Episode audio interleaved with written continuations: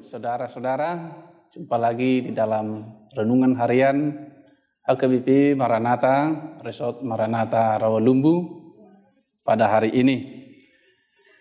Jadi kita, mari kita satukan hati kita, saudara-saudara juga di rumah untuk mendengarkan firman Tuhan, sehingga hati kita siap untuk mendengarkan firman Tuhan.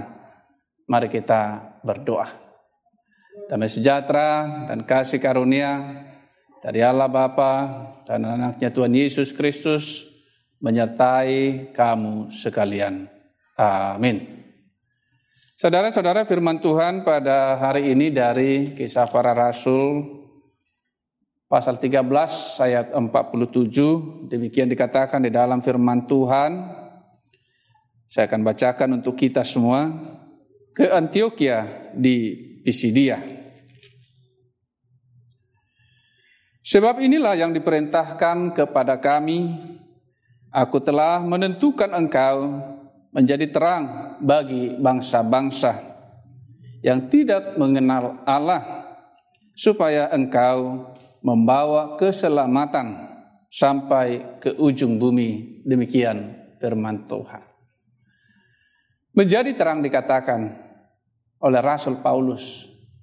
Sebab memang di dalam kisah para rasul pasal 9 ayat 15 Tuhan memilih dia untuk menjadi terang. Untuk bangsa-bangsa lain, untuk raja-raja dan juga untuk semua orang Israel. Saudara-saudara, di Antioquia Rasul Paulus bersama Barnabas memberitakan Injil di sinagoge, memberitakan Injil kepada semua orang pada masa itu. Dan kemudian dan mereka bahkan sampai minggu kedua ataupun sabat kedua mereka tetap diminta untuk memberitakan Injil. Dan banyak orang yang percaya kepada pengajaran mereka. Saudara-saudara, di sini Rasul Paulus bukan tidak menghadapi tantangan. Pada sahabat kedua, waktu mereka ada di situ, hampir seluruh kota itu datang ke rumah ataupun ke sinagoge itu untuk melihat bagaimana Rasul Paulus dan Barnabas mengajarkan tentang Injil keselamatan. Ada banyak alasan dari mereka yang datang pada masa itu. Dan ada banyak juga yaitu dari kalangan orang-orang Yahudi menghujat, memaki dan lain sebagainya yang membuat ibadah mereka ataupun pengajaran Rasul Paulus terganggu.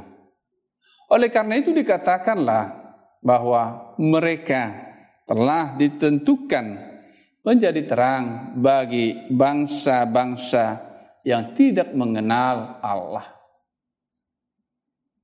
Bangsa-bangsa Yahudi di tempat itu tidak ataupun bangsa Yahudi di tempat itu tidak percaya kepada pengajaran daripada Rasul Paulus.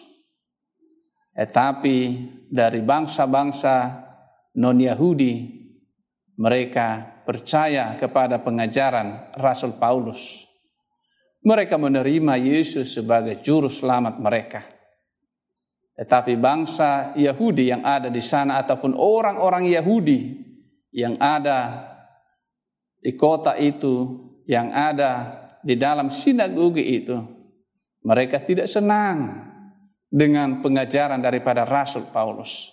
Mereka tidak percaya kepada ataupun mereka tidak mau menerima pengajaran Rasul Paulus. Tetapi ketika bangsa-bangsa lain yang ada di kota itu percaya, mereka menjadi iri. Mereka jadi menghujat. Loh kenapa orang lain diajari? Sebab bangsa Yahudi mereka memiliki kebiasaan untuk tidak bergaul dengan mereka yang tidak berasal dari bangsa ataupun suku ataupun dari kalangan mereka sendiri. Mereka tidak suka. Eh, tapi Rasul Paulus dan Barnabas mengajarkan firman Tuhan kepada mereka yang di luar daripada bangsa Yahudi. Dan mereka percaya dan mereka bersuka cita. Di tengah yaitu mereka yang percaya di tengah banyaknya orang yang datang kepada Kristus melalui pengajaran daripada Rasul Paulus, orang lain ataupun sebangsanya malah tidak senang. Saudara-saudara, bisa saja di dalam pengajaran firman Tuhan ada banyak kritikan, ada banyak halangan. Tetapi seperti Rasul Paulus, dia tetap sabar di dalam semua kritikan itu.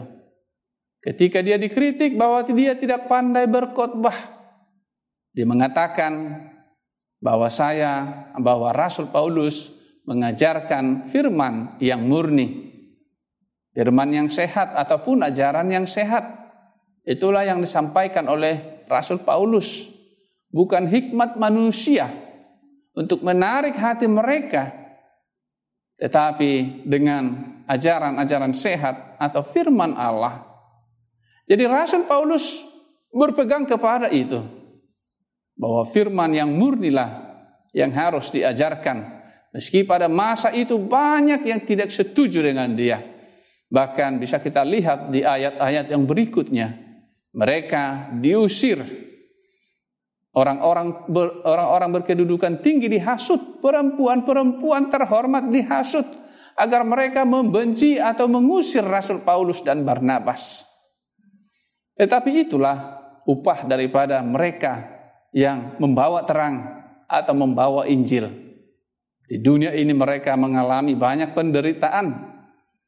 Di dunia ini mereka mengalami banyak halangan. Tetapi firman Tuhan harus terus diberitakan. Baik waktunya, baik ataupun tidak baik, firman Tuhan tetap diberitakan. Dan Rasul Paulus sendiri merasa berhutang jika tidak memberitakan firman Tuhan itu kepada semua orang. Saudara-saudara, mari bersemangat memberitakan firman yang murni, firman yang benar, firman yang sesungguhnya dari firman Tuhan yang ada di Alkitab kita. Biarlah itu yang kita beritakan dan kita berdoa agar setiap orang digerakkan oleh Roh Kudus untuk menerima firman itu. Tidak seperti orang-orang Yahudi yang mendengar pengajaran Rasul Paulus, tetapi mereka menolak pemberitaan firman itu bukan karena Rasul Paulus tidak disertai oleh Roh Kudus. Bukan karena Rasul Paulus kurang berhikmat ataupun kurang bijaksana, tetapi karena mereka kehilangan karunia itu. Mereka menolak, mengeraskan hati mereka untuk tidak percaya kepada firman Tuhan. Saudara-saudara, ketika kita dengarkan firman Tuhan, jangan mengeraskan hati kita, tetapi kita aminkan dan kita doakan biarlah firman Tuhan itu tumbuh dan berakar di dalam hati kita dan berbuah dengan perilaku-perilaku yang baik di dalam hidup kita. Tuhan Yesus memberkati firman-Nya. Mari kita berdoa. Segala puji syukur bagimu Tuhan untuk segala kemurahan Tuhan untuk kami dan negara ini bahwa Tuhan telah memerdekakan bangsa ini dan juga kami telah engkau merdekakan dari kegelapan. Terima kasih Tuhan. Kami berdoa untuk setiap jemaatmu pada saat ini yang bergumul. Tuhan tolong mereka. Tuhan kuatkan setiap yang lemah. Tuhan berikan apa yang mereka perlukan seperti firman Tuhan di dalam Mazmur 23. Ampuni Tuhan segala dosa dan kesalahan kami. Dalam Yesus Kristus Tuhan kami, kami berdoa kepadamu. Amin. Kiranya kasih karunia Tuhan Yesus Kristus dan Allah Bapa dan persekutuan Roh Kudus menyertai kamu sekalian. Amin. Shalom buat kita semua.